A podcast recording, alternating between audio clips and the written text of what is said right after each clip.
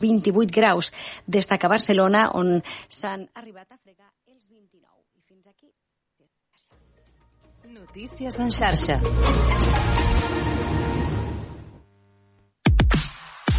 Obert per vacances amb Manel Ferrer.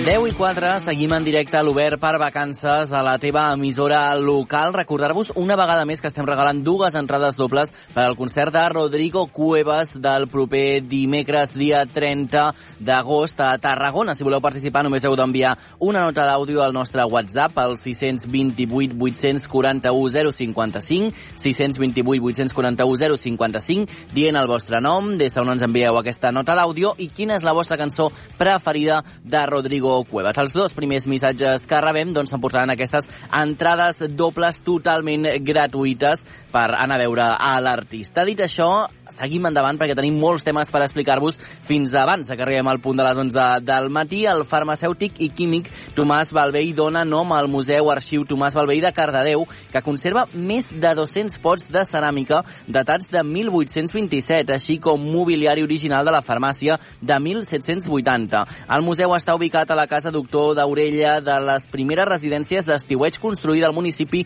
al 1848. Era propietat de la família Arena Riera. Al 1907 la casa va ser adquirida pel doctor Josep d'Aurella i Rull, doctor en filosofia i lletres, en dret civil i canònic i catedràtic de filosofia i de lògica fonamental de la Universitat de Barcelona. L'any 1973, Santiago d'Aurella de Rull, fill de Josep d'Aurella, va fer donació de casal més eh, un milió de pessetes per reformes a l'Ajuntament de Cardedeu i ara hem de saludar la nostra companya de ràdio, televisió de Cardedeu, Susana Cabiscol. Bon dia, com estàs? Hola, bon dia, Manel. Doncs molt bé, i tu com estàs? Molt bé, amb ganes de conèixer la història que ens apropes avui. doncs mira, aquí estic amb la Marta Núñez, que és tècnica del Museu Arxiu Tomàs Balvei, perquè ens expliqui una miqueta sobre el museu i sobre la farmàcia Balvei, que, tan caracter, que, que és tan característica, no? Uh, mm. Perquè el museu, de fet, se centra en la salut i el benestar, oi, Marta? Hola, molt bon dia a tots. doncs sí, sí, com, com diu Susana, el museu, una miqueta l'eix central és, és la farmàcia Balvei, de la que, de la que parlàveu, i una mica d'aquí va, va sortint tot el que és el, el discurs del, del museu. Uh -huh.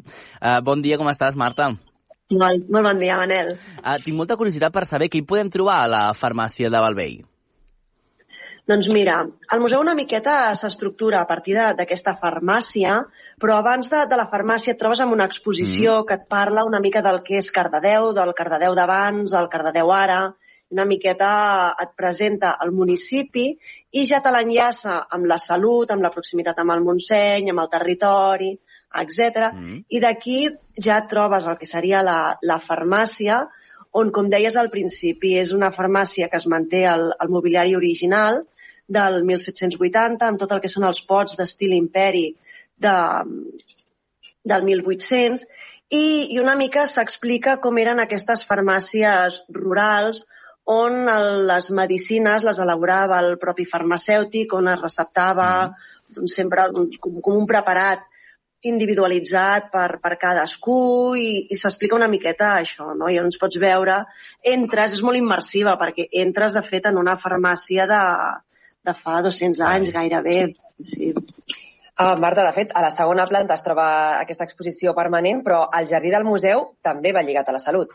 Sí, el jardí del museu, com dèieu, el museu està ubicat en una casa d'estiueig i com a casa d'estiueig tenia un, un jardí, el que era un jardí de, de plantes decoratives per, per fer bonic. Què hem fet nosaltres a partir del que és la, la farmàcia, la salut i el benestar? S'ha adaptat al museu, a, al jardí del museu, a plantes remeieres. El que s'hi poden trobar són diferents plantes d'ús medicinal, totes elles amb aplicacions o bé culinàries o bé per, per fer-ne preparats, ungüents, xarops, pomades, infusions, etc que s'utilitzen en el món de la, de la farmàcia i la, la fitoteràpia, sobretot. Uh mhm. -huh. De fet, eh, com indica el seu nom, el museu també té una bona part d'arxiu molt important. Marta, què s'hi pot trobar en aquest arxiu? Mira, Tomàs Balvei, ell quan va començar la, la col·lecció, i va començar la col·lecció amb tot d'objectes, objectes que podien explicar la història de Cardedeu, però també amb documents, mm. amb documents alguns originals, sobretot pergamins, que va anar recopilant de, de diferents famílies de Cardedeu, que els anava comprant o la gent li anava, li anava regalant. I també eh, una mica el que va fer va ser de cronista. Sigui, no, el nostre arxiu no és un arxiu de fonts primeres només, o sigui, com a font primera sí que tenim aquesta part de, de pergamins, alguns documents de famílies de, de Cardedeu, però sobretot és, és un arxiu de, de cròniques que escrivia, el, que escrivia Tomàs Balvei. Tenim uns dietaris que van des del 1885 fins al 1905, on ell explica què passava cada dia a Cardedeu, o fins i tot còpies de molts documents que es troben en arxius, sobretot a Barcelona, a l'arxiu de la Corona d'Aragó.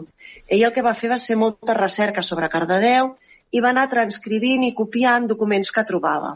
Mm. Llavors, som l'arxiu històric, també, però comptant amb que passa tot pel filtre de, del col·leccionista, de Tomàs Balvei. Mm -hmm. I, Marta, què suposa Tomàs Balvei pel municipi de Cardedeu? Aviam, uh, el que és important de Tomàs Balvei és, és el llegat que ens ha deixat. O sigui, la, la nostra col·lecció, el nostre fons, no és un fons amb, amb una col·lecció molt, molt rellevant en quant a objectes o importància dels objectes, però sí que és un museu de territori, amb un fons de territori. Llavors, ell el que va fer va ser, d'alguna manera, recopilar tot allò que d'alguna manera pogués explicar aquest territori, pogués explicar Cardedeu i a partir d'objectes molt diversos. Per tant, les nostres col·leccions sí que tenim aquesta farmàcia, però s'ha de tenir en compte que la farmàcia ell no la va donar al poble. Ell quan va fer la permuta amb l'Ajuntament de Cardedeu va donar la seva col·lecció, els objectes de la col·lecció, des de numismàtica, indumentària, peces de ceràmica, arqueologia, etc. La farmàcia van ser les seves nebodes qui van veure el valor que tenia perquè com que ell mai s'havia interessat a fons per aquest món farmacèutic, sinó més pel col·leccionista, no la va modificar. I el mateix va passar amb el seu pare. Per tant, és una farmàcia que s'ha mantingut des del 1800 gairebé intacta. Uh -huh. Llavors, una mica el, el valor és això, no? aquest patrimoni molt lligat a, al territori, a Cardedeu, que ens ha deixat en Tomàs Balvei i que s'ha vist ampliat al llarg dels anys amb altres col·leccions que han anat ingressant. De fet, eh, Cardedeu es caracteritza pel modernisme i, de fet, el museu es troba al casal eh, Doctor d'Aurella. Què és el que va ubicar o què és el que va fer ubicar aquest museu en aquest edifici, en aquest emplaçament? Mira, quan Tomàs Balvei va fer la, la donació i quan ell va morir el 1954 no hi havia un espai on ubicar, on ubicar la col·lecció. És una, és una col·lecció molt àmplia que ell tenia a casa seva i va haver de sortir, on es va anar tot en, en magatzems i va ser la família d'Aurella l'any 1973 que van fer donació de la seva casa d'estiueig a, al poble. Mm. Com a, I com a condició van posar-hi que fos un espai cultural. Doncs aquí va ser quan s'hi va instal·lar el museu, la col·lecció Balvei i també la, la biblioteca. Doncs una mica encaixa amb tot el que seria aquests edificis per estiuejants que, que tenim a Cardedeu. I, Marta, seguim parlant de modernisme. Des del museu i en col·laboració amb el grup de teatre Artesana Social es fa la Diada Modernista. Pots explicar en què consisteix?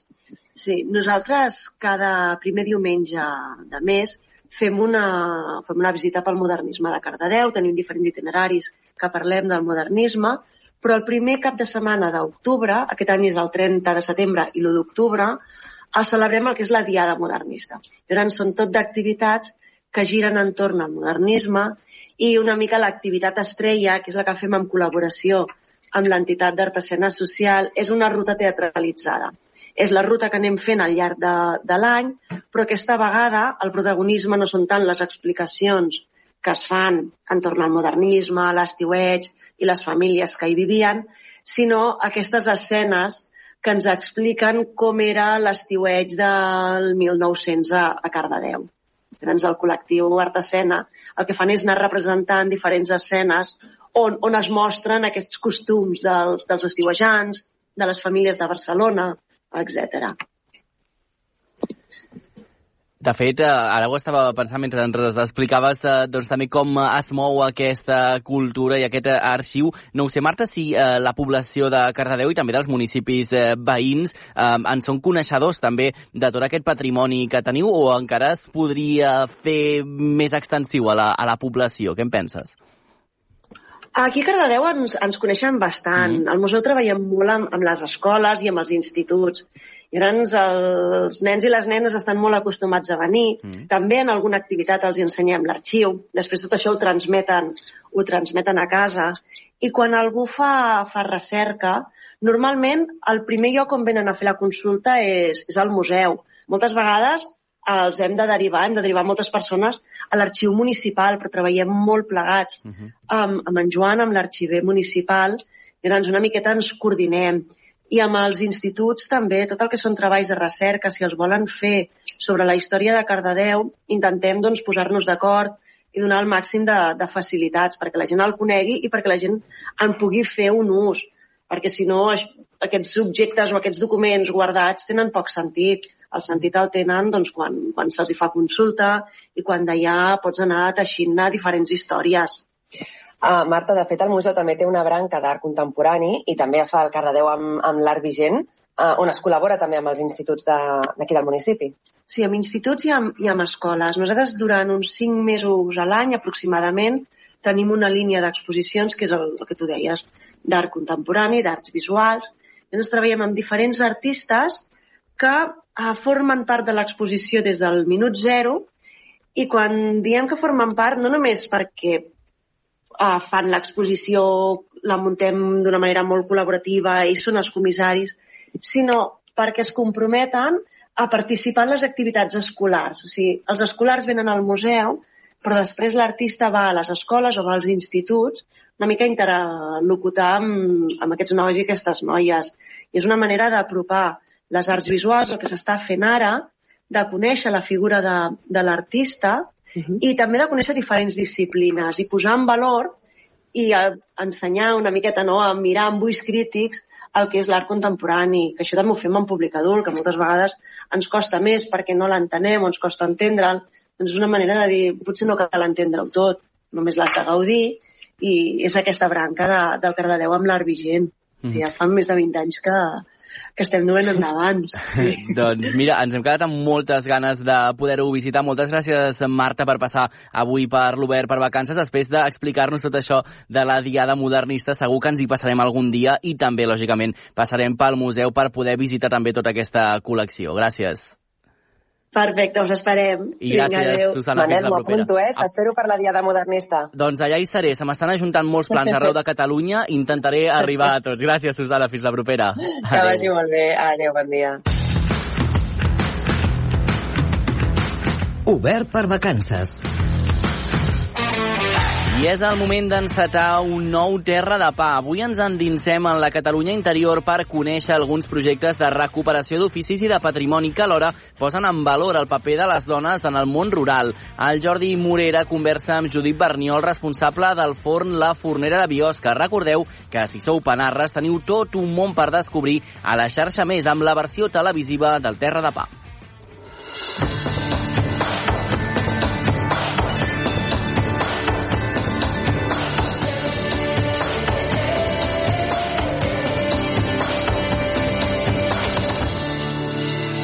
Terra de pa. El poble de Biosca està situat al peu d'un petit turó a la dreta de la riera del mateix nom.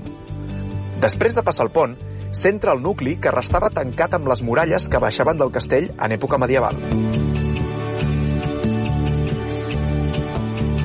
En els últims anys, joves o famílies amb criatures s'han instal·lat en pobles de l'interior com aquest, cercant millor qualitat de vida o noves oportunitats professionals. Alguns dels que han vingut de la ciutat i altres que ja hi eren han decidit apostar per recuperar antics oficis, feines més autònomes i significatives de les que sovint ofereix un treball assalariat. Aquest és el cas de la Judit Berniol. Ella explica va venir del Berguedà a la Sagarra per amor i va instal·lar-se a Biosca, també per amor, però en aquest cas a una casa i una professió, la de fornera, que va descobrir i va aprendre de manera autodidacta mentre cuidava dels seus fills, amb la convicció que ella volia i podia ser alguna cosa més que una mare. I així va ser com va obrir la fornera de Biosca, una fleca situada just sota el portal del carrer Pastaroles, el portal de la vila. Però millor que ens expliqui ella mateixa.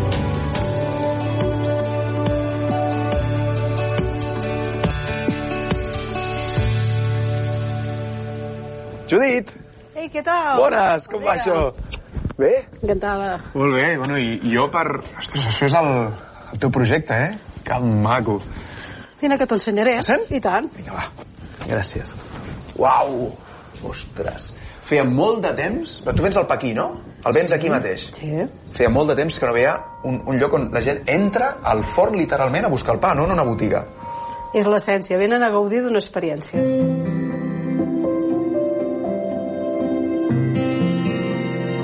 Hi ha qui va al psicòleg. Jo, en canvi, vaig empoderar-me a través de les mans. Això diu la Judit Berniol respecte als seus inicis com a fornera. I també explica que amics i professionals del gremi li deien romàntica, sonada, quan ella va insistir en recuperar l'antic fort de llenya que hi havia en aquesta casa que va comprar. Però la seva convicció i perseverança ha tingut premi i la fornera és avui un referent a la zona. I encara li queden un munt de plans.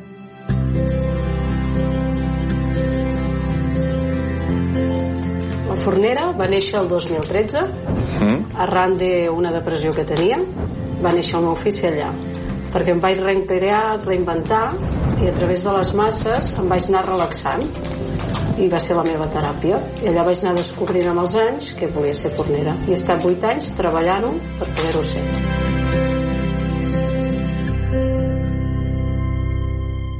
i vaig obrir el dia 15 d'octubre Del... 2021, el dia de la dona rural Molt bé. perquè volia donar visibilitat de que les dones també podem estar dintre un obrador fent pa i també les dones rurals que estem una mica com més oblidades, les iaies, les pageses, la terra, la gent que treballava a la terra. Quina acceptació has vist al poble? Ha estat molt xula. Estic super agraïda perquè, clar, que no hi havia ningú, ha vingut una noia amb unes idees, fa venir gent, o s'omple, molta gent vol venir a viure aquí, noves propostes... Però ara mateix la majoria dels teus clients és gent de fora o també gent d'aquí? Tinc la sort que hi ha dos xefs de dos restaurants que des del primer dia m'han donat confiança. Clar, això em porta molta clientela, persones que van a aquell restaurant, tasten el pa, que ho valoren i llavors et venen. Molta gent de pas, també tenim una carretera molt de pas i molta gent que va esquiar o que ve per aquí, es munten inclús les rutes per venir perquè es ho veuen, diu, mira, anirem a veure la fornera i anirem a visitar una formatgeria que tenim. Doncs també venen. I entenc que treballes molt sota comanda. Bàsicament sota comanda, perquè no m'agrada el malbaratament alimentari. Val més 20 pans bons que 50 i malament i qualitat per davant de producció. També entenc que les xarxes han sigut un, un gran aparador per tu, no? T'ajuda. Les xarxes és l'aparador de tot, el reclam perquè et vinguin a veure i també per donar a conèixer Biosca i on, i on poden trobar aquest pa, perquè si no seria molt complicat. Aquí, per sort o per desgràcia, són molt poca gent. I ara sí, parlem una miqueta més concretament del producte. La teva filosofia, llarga fermentació, productes, farines locals, explica'm una miqueta. La meva filosofia és fer-ho 100% amb llarga fermentació, massa mare de cultiu i sobretot donar valor als blats antics, els que s'han perdut. Res de millorants, res de químics, aquí hi ha pans saludables, que és el que es ve a la fornera. Vull que la gent es mengi un bon pa, tornar a donar valor al pa a taula i sobretot arribar a restaurants, que puguis menjar un bon pa. M'has dit que això té més de quan? Més de 100 anys, aquest Segur? forn, i que va tancar uns 55 anys. I a Catalunya actius potser n'hi ha 4 d'aquest estil, Forn Morú. Estava hivernant, estava adormit i m'estava esperant. I concretament un dels teus pans més emblemàtics és el pa de tros. Explica-me'l una miqueta. El pa de tros pretén ser un homenatge a la gent de la Sagarra, a la terra, a la gent que estima la terra, perquè abans es deia d'anar al tros quan es anava a feinejar. És una explosió de sabors, de contrastos i de gustos. Que t'emocionis amb aquest pa. Porta xeixa, espelta, sègol i farina blanca. Abans es deia que quan un pa era bo es deia això és xeixa, per la seva aroma, aquesta dolçor, aquest toc com l'ametller atorrat. Llavors el seu també és un homenatge als avantpassats, als que ja no hi són, als que van passar una guerra, i pretén retre també un homenatge a aquella gent treballadora que estimava el que feia. I l'espelta és un dels blats antics més ancestrals, que dona un caràcter, és molt digerible, i el blat blanc seria com la, les arrels de la terra. Que bo, doncs mil gràcies per obrir-nos les portes de casa teva i del forn, literalment, i ha sigut un plaer i que t'asseguro que tornarem aquí ben aviat. Amb el cor obert. Terra de pa. Obert per vacances. Busca'ns a la teva ràdio local.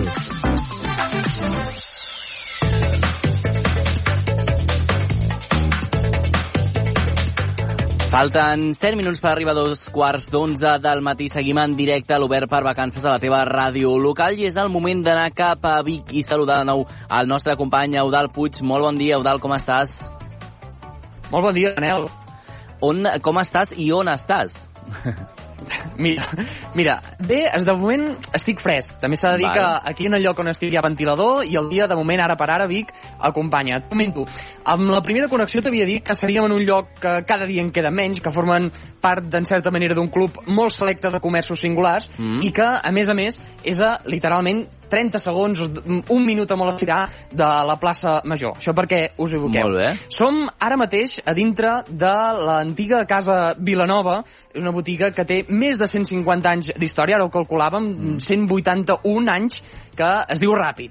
Si et sembla, saludem a, una de la, seva, a la seva propietària. Ella és la Núria Coll. Núria, molt bon dia i merci per ser aquí a l'Obert per Vacances. Hola, bon dia a tothom. Escolta'm, eh, quina és la història darrere de l'antiga casa Vilanova?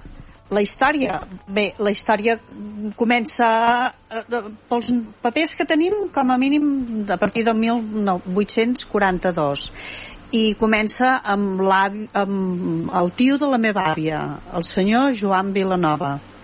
Uh, ja, era, ja era un colmado, eh? ja, ja hi havia cera, hi havia fruit sec, hi havia farina... Era molt el que hi ha ara, però ara està actualitzat. Està pel dia a dia. Uh -huh.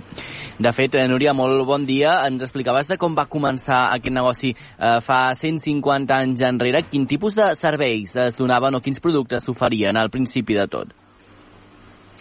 El producte bàsic seria el mateix que ara. Eh, o sigui, fruits secs, eh, conserves, mm, cera, vi pels, pels capellans. Servíem molt al clero, que aquí és la ciutat dels Sants, no ens en oblidem, eh, i, i a part de la gent de, de la ciutat, eh? I llavors, en base era el mateix. Eh, El que passa que s'ha anat especialitzant i a dia d'avui tenim molt producte gourmet, eh, intentem seleccionar tot el producte que tenim, tot ho tastem nosaltres, primer fem un filtre i a partir d'aquí pues, posem a la venda. I al final és el client el que decideix. Sempre decideix el client. I la base, però és la mateixa, eh? Portat a, a avui, perquè avui es menja diferent de fa 180 anys. Uh, ara ho comentàvem al principi, és una botiga que té més de 150 anys, uh, 181 per ser exactes, però, uh, si no m'equivoco, uh, teniu altres documents que havíeu trobat que dataven una miqueta de- d'abans del, de 1850, que és quan uh, representa que es va inaugurar aquesta botiga, veritat? Sí, sí, sí. Tenim documents d'abans, però com que les dates ballaven i no es veia amb molta claredat, doncs els notaris no, no ho han pogut certificar i, i ens quedem, ens hem de quedar amb el 1841. En els primers anys, la botiga, eh, com era inicialment? Què s'hi podia trobar? Quan venia un biguetà de, de la ciutat a comprar, què hi podia trobar? Bé, jo et puc explicar per les factures que hem trobat, que segons sabem les dates de referència, eh, i s'hi podia trobar pinyons, s'hi podia, podia trobar nanous, mm, ametlles, s'hi podia trobar ciris, vida missa, hòsties o formes que no són sagrades encara fins que el capellà no ho digui. I, i bé, també es podia trobar sabó el sabó aquest típic del lagarto, la pastilla, que això ja no sé ni, ni si existeix, es podien trobar moltes coses, conserves, llaunes de sardina, de tonyina, tot això es podia trobar. Uh -huh. Carai, al final també parlàvem d'un negoci, parlar d'un negoci actualment doncs, que té 150 anys d'història és una cosa prou important. Com ha evolucionat també el negoci i la botiga al llarg de tots aquests anys? Bé, uh, hi va haver un punt, jo sempre dic que és, hi, hi ha un punt d'inflexió que és quan van començar a sortir la, els supermercats i les grans superfícies. I aquí és on, perquè si tirem enrere ens donem compte de que abans hi havia botigues, botiguetes, botigues de barri, de poble, de ciutat, però no hi havia supermercats i grans àrees. Quan van sortir aquest tipus de- d'establiments, es van anar morint molts, molts. I aquí vam sobreviure perquè bueno, ens, ens vam especialitzar molt fort que és el que comentava abans, amb el, amb el producte molt seleccionat, molt triat, buscant pe petits productors que treballin bé, que, que, que treballin amb, amb carinyo i que, que veus que estimen el producte i estimen el que fan i, i, i cada cop que hi ha un producte d'aquests que veiem que, ostres, això ha perdut qualitat, bé, busquem una altra cosa i ens movem i, uh -huh. i, i tot el dia eh, vigilem això. Jo crec que, que és el punt d'inflexió de, de la diferència d'abans amb ara d'això. Llavors, t'has d'especialitzar sí o sí. En certa manera, anar-vos reinventant, no? Podríem dir? Exacte, ho has dit tu, reinventant, constantment. Um, tenir una botiga uh, tan antiga i també com podria ser aquesta, en el cas de, de Vic, mm, podríem dir amb, amb, emblemàtica al mateix temps, ha de ser una, una tasca, penso, força difícil, no?, de mantenir el sentit aquest de preservar l'herència històrica i cultural de la botiga amb el pas del temps, no?, d'intentar mantenir la botiga o l'essència del que era la botiga en el seu inici, intentant-la uh, mantindre el dia d'avui, tot i això que, com dèiem, anar-la reinventant amb el pas del temps. Sí, sí, no, no és gens fàcil, eh? Ja et dic, és, és una mica el mateix que veníem dient. Uh, és estar constantment alerta de tot allò que tu intentes oferir al teu client que sigui d'una qualitat màxima. En el moment que tu detectes, o el client, que a vegades, per sort tenim clients que són una passada, i detecten que, ostres, allò no és tan bo. Ja mirem, ja movem fitxa, ja busquem, i això és constant, perquè en el moment que deixes de fer això, ja n'ets ja està. Oh, i tant. De fet, eh, Núria, hi ha una part eh, importantíssima més enllà del producte, que això és lògicament important, però també és molt important la relació no? que s'estableixen amb la clientela, amb la gent que us visita dia a dia. Eh, no sé si al final també tota aquesta història que teniu us ajuda també a fidelitzar la clientela i que al final la relació que hi ha amb ells sigui molt més enllà no? de, de la persona que fa la venda i de qui fa la compra. Sí, jo crec que la relació que mantenim amb el client, mm, que intentem sempre que sigui el màxim de, ostres, de confiança, mm. perquè al final és així, ells, ells venen perquè confien en nosaltres i nosaltres movem fitxa moltes vegades perquè confiem en ells. Uh, doncs uh, la relació que tenim és molt així. I a més tenim el client d'aquí de la ciutat d'aquí de, i dels plets del costat. Tenim molta gent de comarca i tenim gent de fora de comarca que són clients fidels que venen perquè saben que, que ostres, que, que els aconsellarem, que, els, que si més no intentarem aconsellar-nos tan bé com sapiguem. I, i, i al final fidelitzes per, per aquest servei que, que és clar això no, si no és la petita botiga no t'ofereix ningú més. Uh, llavors uh, això és molt important. I a part d'això llavors tens els, el, el que diem nosaltres els, els passa volant els mhm. passa volants aquests que bueno, a vegades venen i no tornen i a vegades tornen depèn de, de com va la cosa de fet, no sé si d'alguna manera, Núria, teniu uh, identificada quanta gent, quanta gent pot arribar a passar al cap d'un dia normal per la vostra botiga? Ni punyetera idea. no comptem, no mirem. Venim aquí, venim aquí entre gent, uh, si convé expliquem receptes Uh, ah, a veure, no, no mirem això. Mm -hmm. N'expliquem moltes de receptes. M'interessa uh, molt això, mira, perquè m'agrada molt, Núria, sí. el, el tema de la, de la cuina. Uh, quina recepta recomaneu a la vostra clientela? Que potser després, quan sigui, acabem el programa, la, la preparo. La que sigui la que sigui que coneguem bé nosaltres. O sigui, mm -hmm. t'explico. Per exemple, nosaltres aquí venem uh, midó per fer crema. Va? Sí Uh, pues, uh, això, quan compren, venen a comprar per fer crema, no sé si tot plegat val un euro un vint, eh? Mm -hmm. i t'ho explico així, i, i dic preus perquè sí. uh, me'n recordo no fa gaire una senyora em va dir, diu, he quedat parada diu, perquè t'has estat mitja hora explicant-li a aquesta altra senyora la recepta de la crema i tot per un euro un vint, diu, i això? Mm -hmm. Diu, no hi ha gent que ho faci, dic, és que ni que a mi tant em fa si val un euro un vint com si em val 20 perquè jo el que estic és fidelitzant un client que avui ve a buscar això i un altre dia vindrà a buscar una altra cosa. I això ho tenim aquí claríssim. Per tant, no contem ni quanta gent entra ni els calés que es gasten. Perquè és igual, perquè avui et gastes per lo que necessites i un altre dia per una altra cosa. Llavors, sí que expliquem moltes receptes perquè és una cosa que ja... Jo penso que la gent, i més avui, ho necessiten, perquè tot el dia corre, correm tots, eh? I, i vinga, va, i, i, i al, al final acabem fent cada dia o cada setmana el mateix, i cansa, és avorrit, i, i és que tenim un, una, una gastronomia diversa, bona, àmplia, i llavors eh, tenim clientes de, de, de, que venen setmanals, és igual, o mensuals, és igual. Núria, ostres, avui tinc gent, què puc fer? Perquè mm. és que em venen a les 9, arribo a casa a les 8.30 i no tinc ni punyetera idea i, el, i els ajudem tant com podem. Que bé, que bé. I marxen contents. Sí, sí, sí. Sí, mm, no sé quin potser és el producte més emblemàtic que teniu o que, el, que la gent més us demana.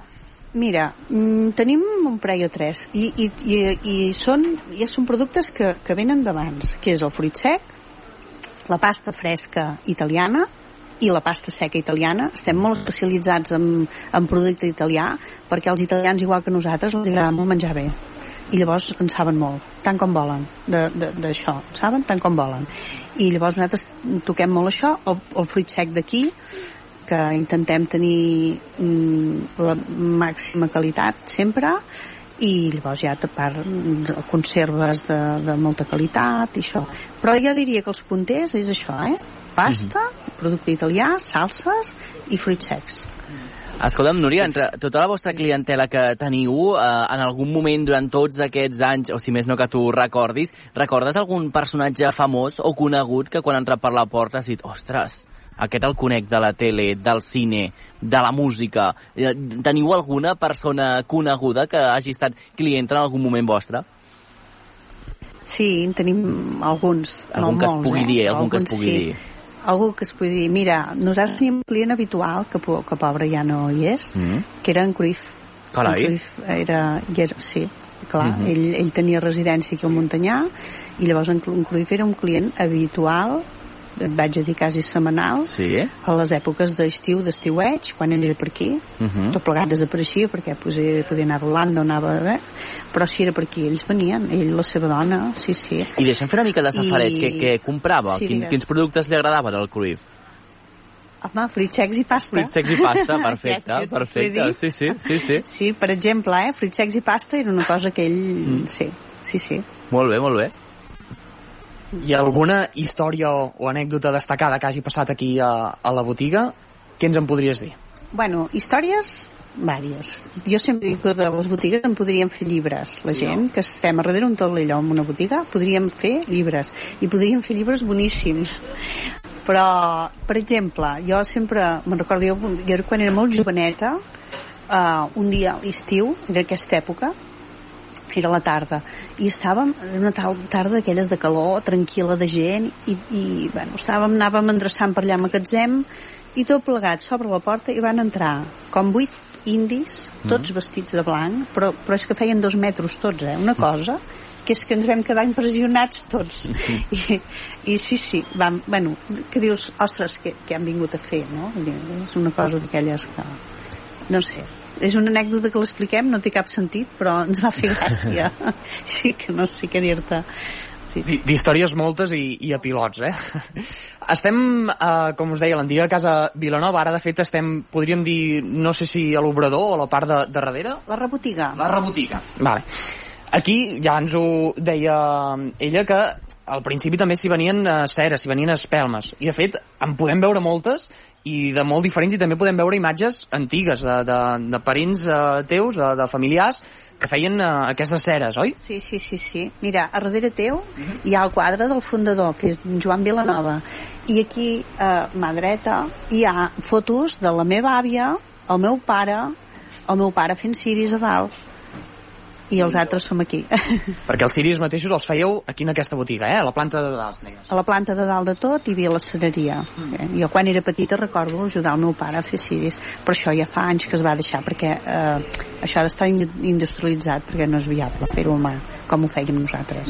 De fet, és aquí mateix també on, com us deia, aquesta botiga que té tants anys d'història va ser reconeguda per la pròpia Generalitat de Catalunya que us va donar, per una banda, la Creu de Sant Jordi el Gremi de, de Cerers i també se'ls va reconèixer aquests eh, més de 150 anys d'història. Això, aquest reconeixement ha de ser tot un honor per la botiga, veritat? Sí, sí, ens va fer molta il·lusió. Mira, el 2016 el nostre president, en Carles Puigdemont, ens va, re, ens va, ens va fer otorgar aquest, un, un document acreditatiu com que era el 2016, 2016 eh, acreditava 174 anys d'història i bé, vam anar allà al Palau de la Generalitat i allà ens van fer el reconeixement. Doncs, déu nhi uh, Núria Coll, uh, moltes gràcies per atendre'ns aquí a la botiga, uh, l'antiga Vilanova uh, per, per poder descobrir tot el, el que amaga aquesta botiga més que centenària, ja podríem dir també, emblemàtica d'aquí la ciutat. I tu, Manel, bueno, em sembla que ja t'has anat apuntant sí. diverses coses a la recepta i també algunes curiositats, mira que en Cruyff passava per aquí també. Oh, tant, doncs em quedo amb aquests uh, detalls que ens ha explicat avui la Núria, gràcies als dos i gràcies a Eudal, eh, per apropar-nos una nova història avui a l'Obert per Vacances. I tant, més que faltaria. Vagi molt que vagi bé. bé. Fins la propera. Amb qui compartiries una copa de vi? Digue'ns-ho en una nota de veu al 628 841 055 i podràs guanyar dues ampolles de vi dins del nostre sorteig dels Premis Binari. Cada setmana hi ha un nou guanyador.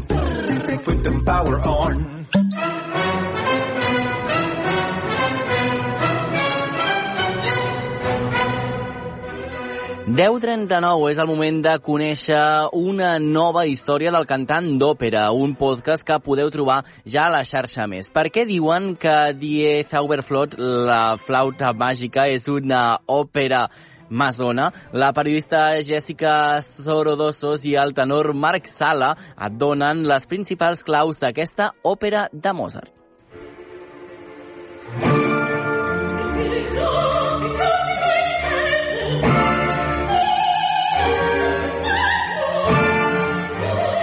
Jessica, tu saps qui és en Papageno?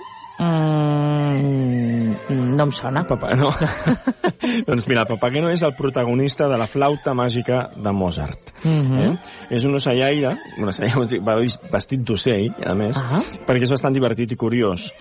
I aquest Papageno serà qui acompanyarà el príncep Tamino a rescatar la princesa Pamina, tots són noms bastant semblants, eh? amb l'ajuda d'una flauta màgica, eh, que fa dòcils les feres salvatges. Mm? Avui parlem de la flauta màgica i què hem de saber? Bé, si no coneixes la flauta màgica, has de saber que és l'última òpera de Wolfgang Amadeus Mozart, mm -hmm. amb el mhm. llibret d'Emmanuel Schikaneder, que era un amic, company de loja maçònica i empresari del teatre Andervin, on es va estrenar aquesta obra a Viena. I a més, a més, no només era el llibretista, també era el baríton, que mm -hmm. va mhm. cantar el paper de Papageno. Es va reservar el paper més simpàtic i llaminer, aquest Papageno que hem parlat al començament. Uh -huh, aquest protagonista. I quina és la clau de l'èxit de la flauta màgica?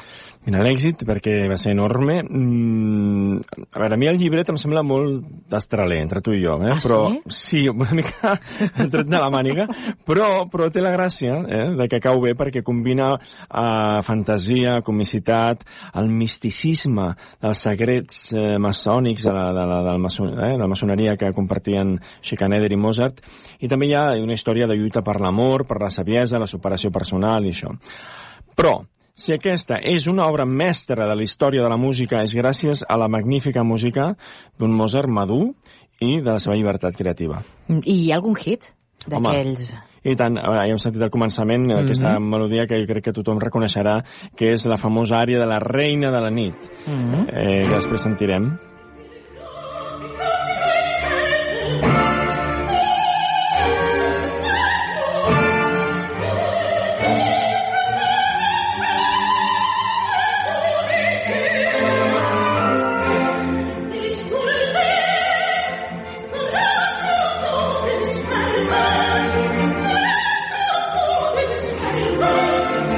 Aquesta que sentim és la soprano Sara Blanc, cantant uh -huh. en directe aquesta gravació cedida per la Fundació Òpera Catalunya amb l'Orquestra Sinfònica del Vallès dirigida per Daniel Gil de Tejada. Eh, com podeu sentir, és una peça molt coneguda i molt espectacular. Sobretot, Aquests aguts? Veure, els aguts és un... No.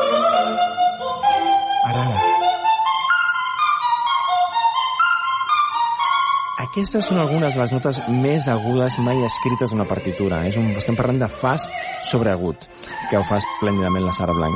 I són d'aquells aguts que tots hem intentat fer eh? no, no. en algun moment. Són, són no ens ha sortit. Poques les escollides que el poden fer amb aquesta solvència. Eh? Ja t'he dit jo ara que és un, un extrem de la, de la veu. Mm -hmm. Doncs ens quedem amb aquesta fantàstica Sara Blanc. Si us ha agradat i voleu escoltar més, no us perdeu el capítol complet de la flauta màgica. També podeu anar al perfil de Propara a Spotify, on, a Spotify, on hi trobareu una llista de reproducció amb una selecció dels millors fragments d'aquesta òpera.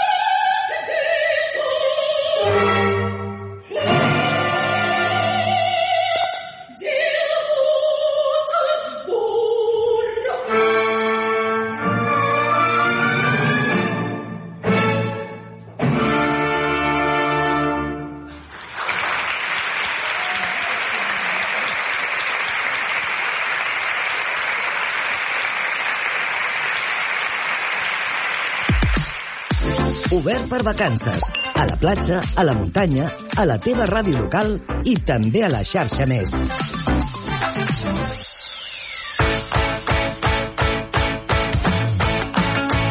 Quarts d'onze del matí, seguim en directe, directíssim a l'Obert per Vacances a la teva emissora local i arriba el moment de repassar la nostra agenda cultural d'aquest dijous de la mà, com cada dia del nostre company Àlex Riba. Com estàs? Molt bon dia, Àlex.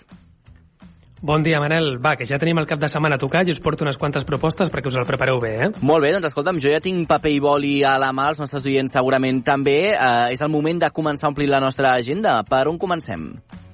Mira, arrenquem amb un petit recordatori. Sé que això sovint ho fem al final de la secció, però sí. és que serà tan ràpid que és que penso fer-ho ara. Mira. Molt bé.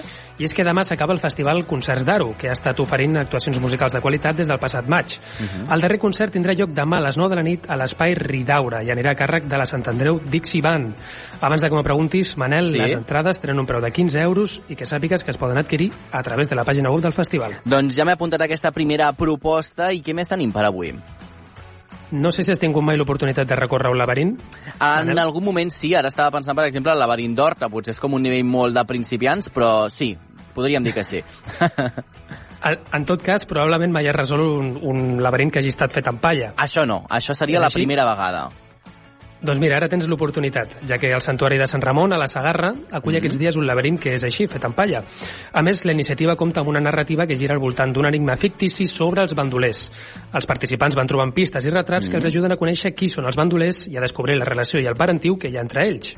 Doncs això m'encanta perquè, mm, potser no, eh, però a mi em recorda una mica el Cluedo, no? Això d'anar resolent incògnites amb personatges eh, em sembla molt xulo i com hi podem participar? Mira, s'ha de reservar cita prèvia a través de la pàgina web de la proposta i l'entrada té un preu general de 5 euros. Mm. Important, no es pot fumar en Home. tot el recinte degut a l'elevat risc d'incendi, que hi ha Ah. de calaix, però és que amb tant d'irresponsable No, no. pel món, doncs eh, ho havíem de dir. Està molt bé avisar-ho. Continuem, doncs, de com podem finalitzar aquesta agenda. Ho farem parlant de la cluenda del festival Nosaltres de Mataró, Mm. que tindrà lloc avui a les 9 de la nit amb la rumba de Joan Garriga i el Mariachi Galàctic com a protagonistes. Es tracta d'un esdeveniment que vol donar oportunitats a artistes quilòmetre zero, sempre, això sí, des d'un vessant sostenible.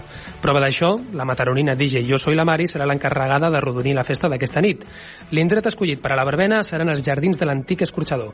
El director del festival, Eloi Aymeric, destaca la consolidació que ha aconseguit el festival en els darrers anys.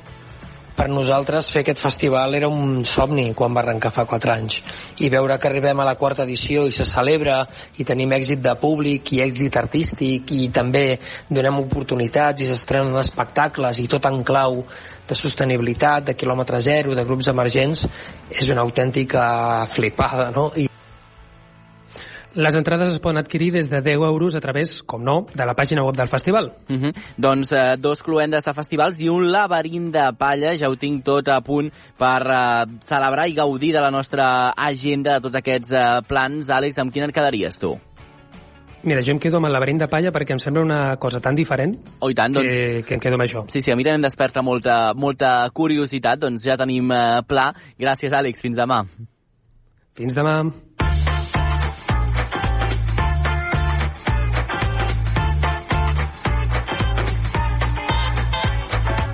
10.48 arriba el moment de saludar l'Anna Gasol, que la tenim amb el nostre telèfon, amb el nostre WhatsApp, al 628 841 055, 628 841 055, el nostre número, Anna, que està traient fum ara mateix, eh? I tant, quina intensitat, Manel, quina intensitat. És que ets com un rei d'Orient, avui t'has tornat boig. Home, és que estem regalant moltíssimes coses, Anna. Estem a, a, gairebé a, a hores de regalar uns altres 60 euros de bon preu esclat. Mm -hmm. Estem regalant aquestes dues entrades dobles per anar a veure el Rodrigo Cuevas a Tarragona el dimecres que ve. Eh, qui no està participant és que no sé què està fent la gent a casa, qui no hi estigui participant, la veritat. Ai, no ho sé, no sé, no deu tenir gaire res a fer. O deu tenir, no sé quines coses deu tenir a fer, però aquí s'està perdent de tot, vamos. Doncs escolta'm, si vols anem per ordre, comencem per les entrades del Rodrigo Cuevas, perquè ja tenim guanyadors, eh? Aquestes dues persones, recordem, les normes eren les dues primeres persones que enviessin un WhatsApp al número del programa s'emportaven aquestes entrades dobles. I ja les tenim i ara les escoltareu, per exemple, Manel, i si fiquem una mica d'ambient? Home, de, és perfecte, una... això. Sí, una mica. Mira'l.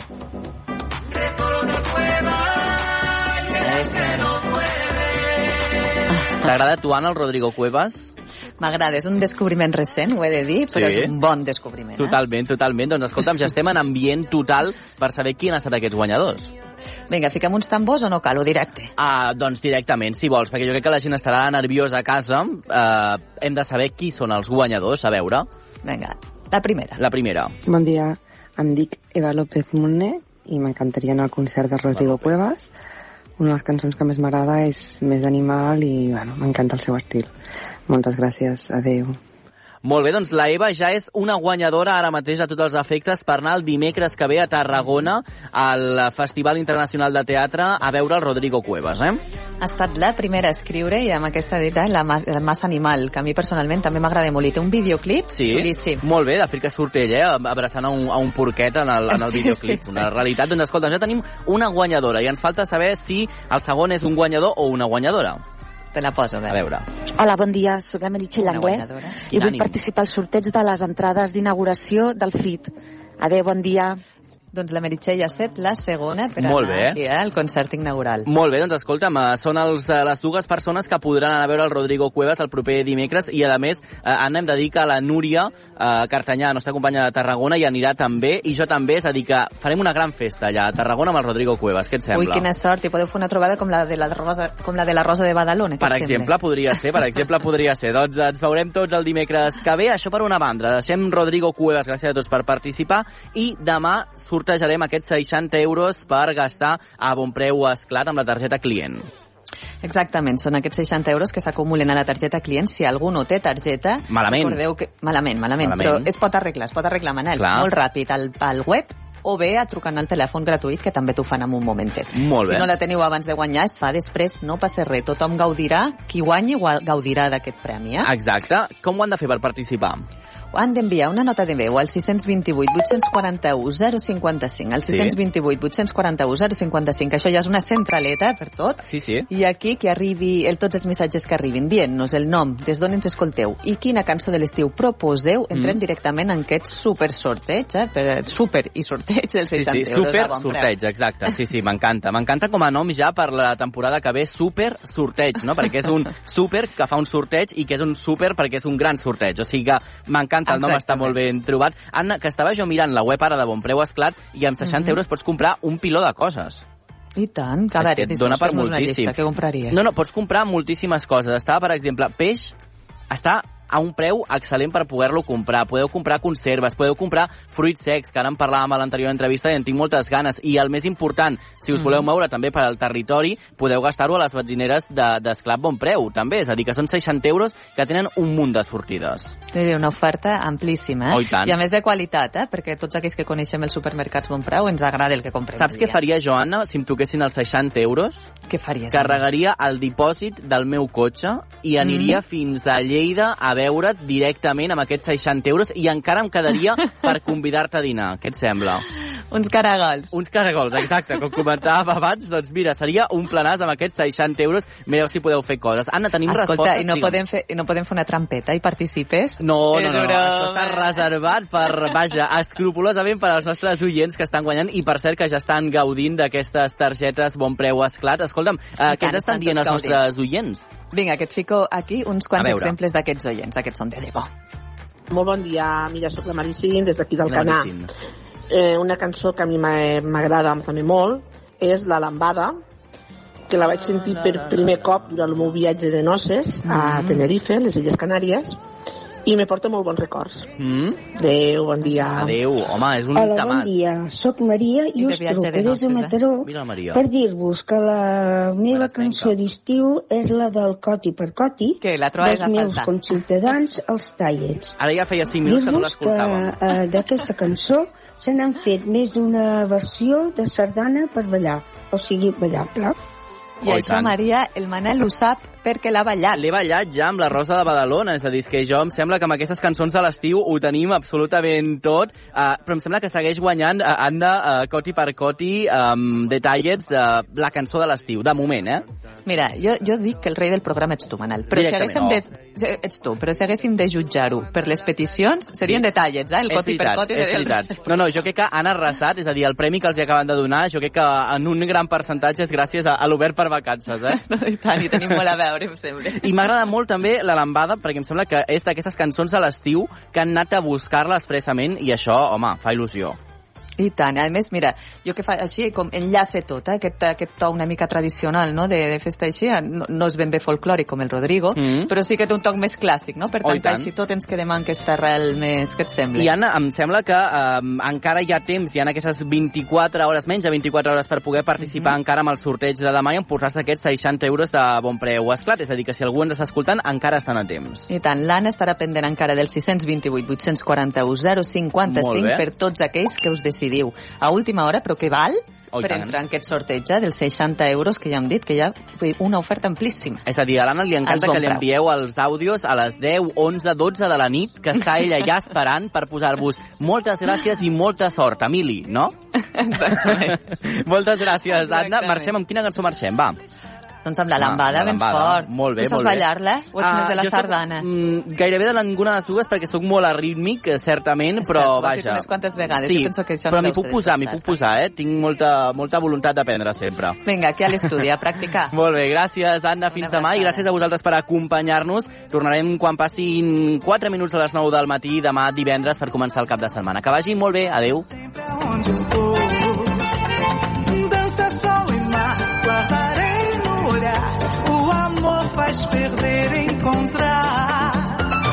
Lambando estarei ao lembrar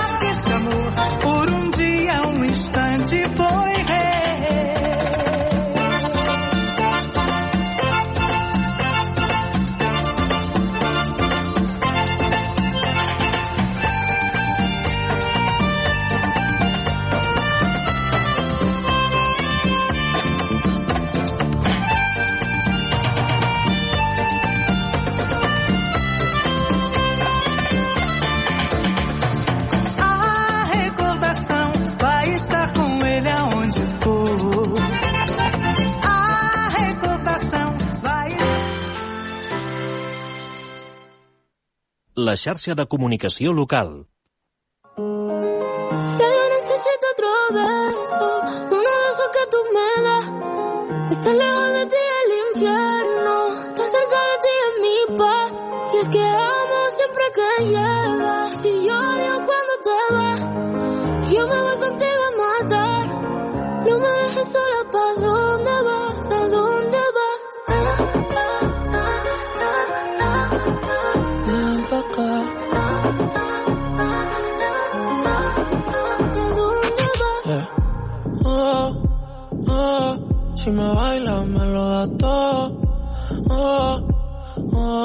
estamos solos y se quita todo. Mis sentimientos no caben en esta pluma. Ey, ¿cómo decirte? Tú eres el exponente infinito, la X y la suma te queda pequeña en la luna. Porque te leo, tú eres la persona más cerca de mí. Si mi ser se va a apagar, solo te aviso a ti. Siente que hubo otra vida, de tu agua bebí, conocerte debí. Lo mejor que tengo es el amor que me das. Huele a tabaco y melón. Y a domingo en la ciudad. Si tú me esperas, el tiempo puedo doblar. El cielo puedo amarrar. Y darte la entera. Yo quiero que me beso, uno de esos que tú me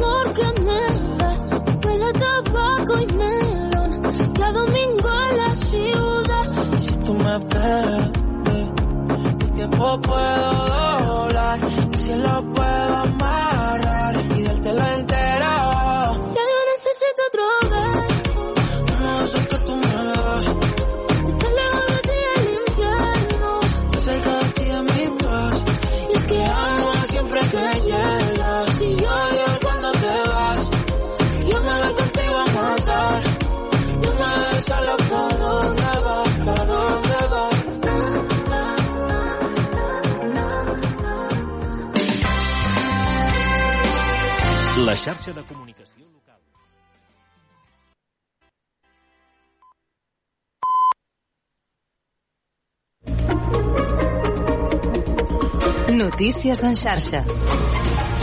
Bon dia, són les 11, us parla Pili Garcia. Una incidència de la infraestructura ferroviària d'un dels túnels de la plaça Catalunya de Barcelona provoca retards a diversos trens de Rodalies. Des de l'estació de Sants, Jordi Claret, bon dia. Hola, bon dia, Pili. Doncs eh, sí, des d'aquí hi ha un eh, ambient, tot i que és força calmat. Els, eh, la senyalització d'aquí de l'estació de Sants ens indica que hi ha retards en diverses línies de rodalies. En concret, es, es tracta de les línies 1, R1, R2, R3 i R4, que han, eh, han eh, patit eh, retards d'un més de 30 minuts, en alguns casos. I per, en el cas de la línia R3 i R4 s'ha hagut de fer un desviament a, a través de Passeig de Gràcia. Eh, es tracta d'un problema, segons eh, ens informen des de DIF, eh, amb la, el sistema de gestió de trànsit, amb la senyalització, eh, concretament que ha afectat el túnel de plaça Catalunya.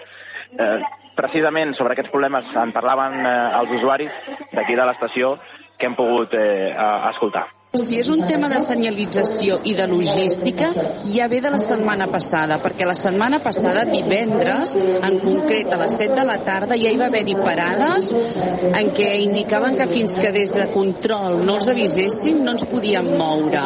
I crec que han tingut uns quants dies per arreglar-ho i mira com estem.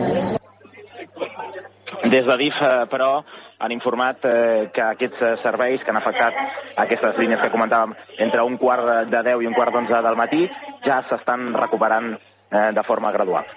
Moltes gràcies, Jordi Claret, per aquesta darrera hora des de l'estació de Sants. Bon dia. Gràcies, bon dia. I encara en mobilitat, un accident talla un carril de l'AP7 a Subirats en sentit nord i provoca aturades de 9 quilòmetres. Segons informa Trànsit, l'accident ha tingut lloc prop de les 9 i hi ha quatre vehicles implicats, però sobretot eh, pel xoc entre un turisme i un camió petit. Ara queda un carril tallat en sentit nord i aturades de 8 quilòmetres. Les vies